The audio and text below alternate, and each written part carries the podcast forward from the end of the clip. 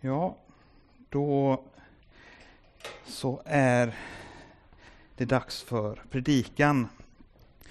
Och jag tänkte till den här söndagen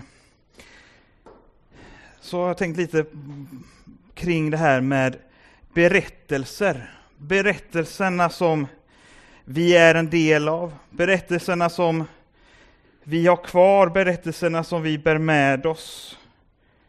Berättelserna som lär oss och som hjälper oss att navigera genom livet. Och kanske framför allt så tänker jag på berättelserna om Jesus.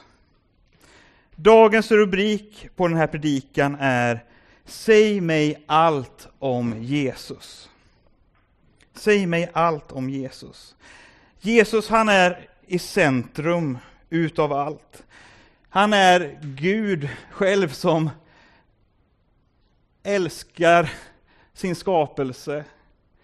Att han väljer att stiga ner, att bli som en av oss. Han väljer att bli människa. Och allt med Jesus är intressant och spännande. Tänk att ha fått vara med. Tänk om man hade fått vara en av de tolv eller de där andra, det var ju fler än de där tolv lärjungarna som fick se och följa Jesus IRL, alltså på riktigt. Och vi har i Bibeln evangelierna som på olika sätt berättar om Jesus. Allt det här som han gjorde, det som han undervisade.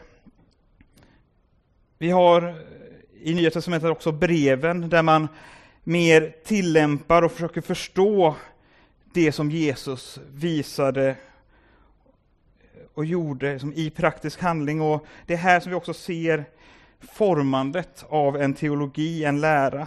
Att det är så här som det förhåller sig, det är så här det fungerar. Och så har vi apostlagärningarna där vi får följa den tidiga kyrkan och vissa personer där efter att de hade fått ta emot den heliga Ande. Men faktum är att hela Bibeln är ett vittnesbörd om Jesus. Det står så här i Lukas 24 och 27. Då säger Jesus så här. Och med början hos Mose, eller det står, står om Jesus här. Och med början hos Mose och alla profeterna förklarade han för dem vad som står om honom överallt i skrifterna. Det står om honom överallt i skrifterna. Och skulle vi säga som predikan, eh, predikorubriken, säg mig allt om Jesus. Ja, kan vi säga allting om Jesus? Ja, det är ju ganska svårt. Jesus han är ju så stor och det visste även lärjungen Johannes. Han verkar ha insett det i alla fall i sitt evangelium, för när han avslutar sitt evangelium så gör han det med följande ord i Johannes 21 och 25. Jesus gjorde också mycket annat, och om var sak skulle skildras för sig tror jag inte att hela världen skulle rymma de böcker som då måste skrivas.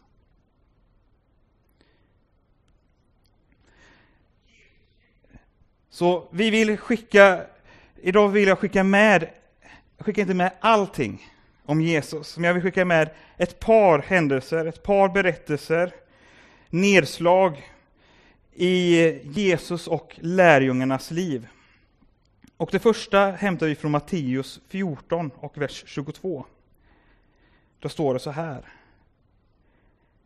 Sedan befallde han sina lärjungar att stiga i båten och fara i förväg till andra sidan sjön, medan han skickade hem folket.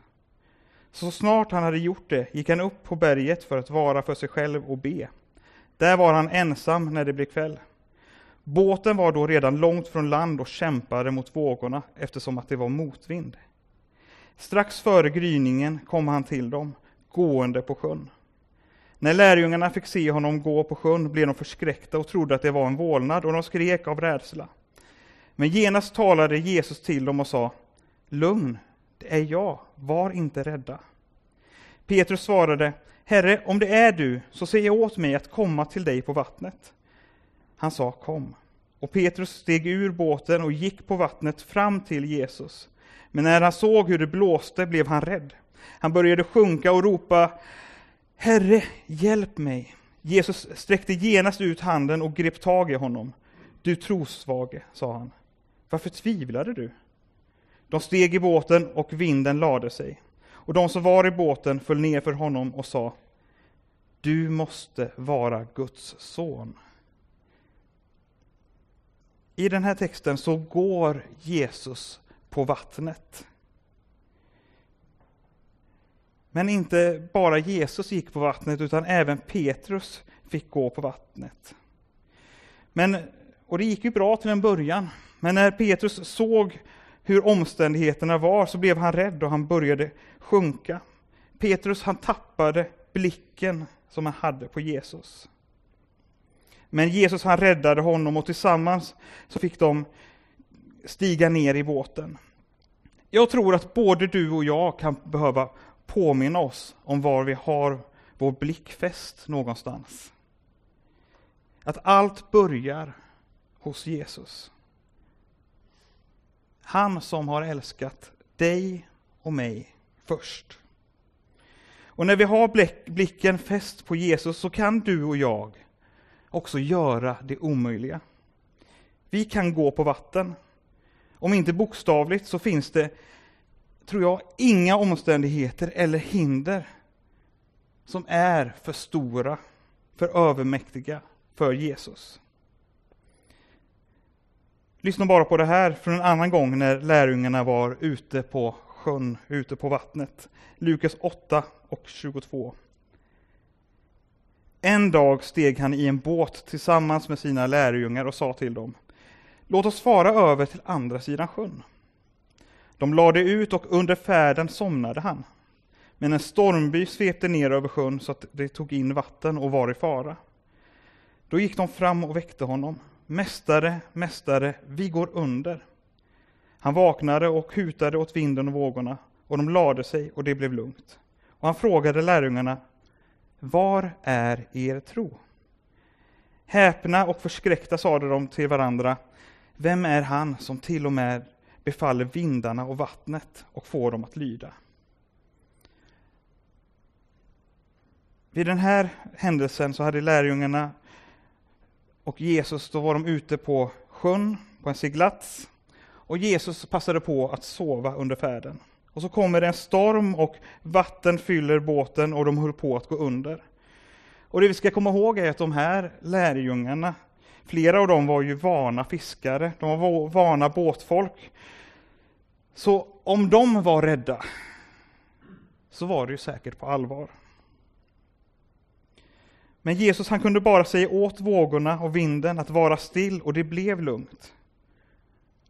Han gjorde det och varpå han ställer frågan, var är er tro? Jesus han har lovat att vara med oss i livets alla dagar. Den Jesus som vi har med oss i vår båt, i din båt. Han har makt att med ett ord stilla varje storm, varje våg eller annan fara som vi kan få möta. Men så kanske du tänker, men vi håller ju på att gå under. Jag klarar inte det här. Jag själv tänker så ibland. Kanske tänker du så. Då ställer Jesus den här frågan, var är din tro? Lita på Gud. Lita på att Jesus är med dig. Ja, vi kan bli rädda, vi kan bli skrämda, vi kan bli oroliga. Men Jesus han vill ge dig och mig frid mitt i stormen. Det står i, på ett annat ställe hur eh, evangelierna hur lärjungarna och även den utökade lärjungaskaran, jag var inne på det, det var inte bara de tolv. Här står det om de, 70, det står om de 72 som sändes ut för att, av Jesus för att förkunna Guds rike och bota de sjuka.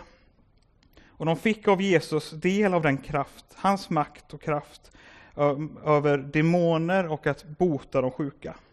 Och så står det så här, då har de varit iväg de här 72, och står det så här i Lukas 10 och vers 17. De 72 kom glada tillbaka och sa, Herre, till och med demonerna lyder oss när vi uttalar ditt namn. Han svarade, jag har sett Satan slungas ner från himlen som en blixt. Jag har gett er makt att trampa på ormar och skorpioner och att stå emot fiendens hela styrka, och ingenting ska skada er. Men gläd er inte över att andarna lyder er, utan gläd er över att era namn är upptecknade i himlen. Det som Jesus gjorde, det som han praktiserade, det fick också hans lärjungar praktisera. Och likaså är det för oss som också är lärjungar till Jesus. Vi som har tagit emot honom som vår Herre, som vår frälsare, vi som har valt att följa honom. Du och jag, vi har också fått del av den här kraften, över den här makten. Och vi har också ett uppdrag till att gå ut överallt och förkunna Guds rike och bota de som är sjuka. Det som Jesus gjorde, inspirerade och kallade dig och mig till, det fungerar i praktiken. Vi kan få erfara det här. Vad vill Gud göra genom dig på gatan där du bor? Bland dina grannar, bland dina arbetskamrater, familj, vänner. Vem du än är, möter i ditt liv. Jag tror att Gud vill väcka och ge dig och mig en större tro om vad som är möjligt. Och ge oss kraften och modet till att också våga praktisera det här. Gud, han vill ge oss en vidgad horisont. Du och jag är kallade till att vara präster i vardagslivet. Du kan berätta om Jesus. Du kan vägleda någon till en tro på Jesus. Du kan be för den som är sjuk och och du kan också se den bli botad. Och trots att vi just nu har det här i världen med social distansering och att vi kanske inte ska eller kan lägga händerna på varandra och röra varandra så är jag övertygad om att Gud är så mycket större. Han hör och kan svara på din bön ändå. Även om det sker via en skärm, ett telefonsamtal eller på andra sidan häcken på behörigt avstånd. Gud han är gränslös, han begränsas inte.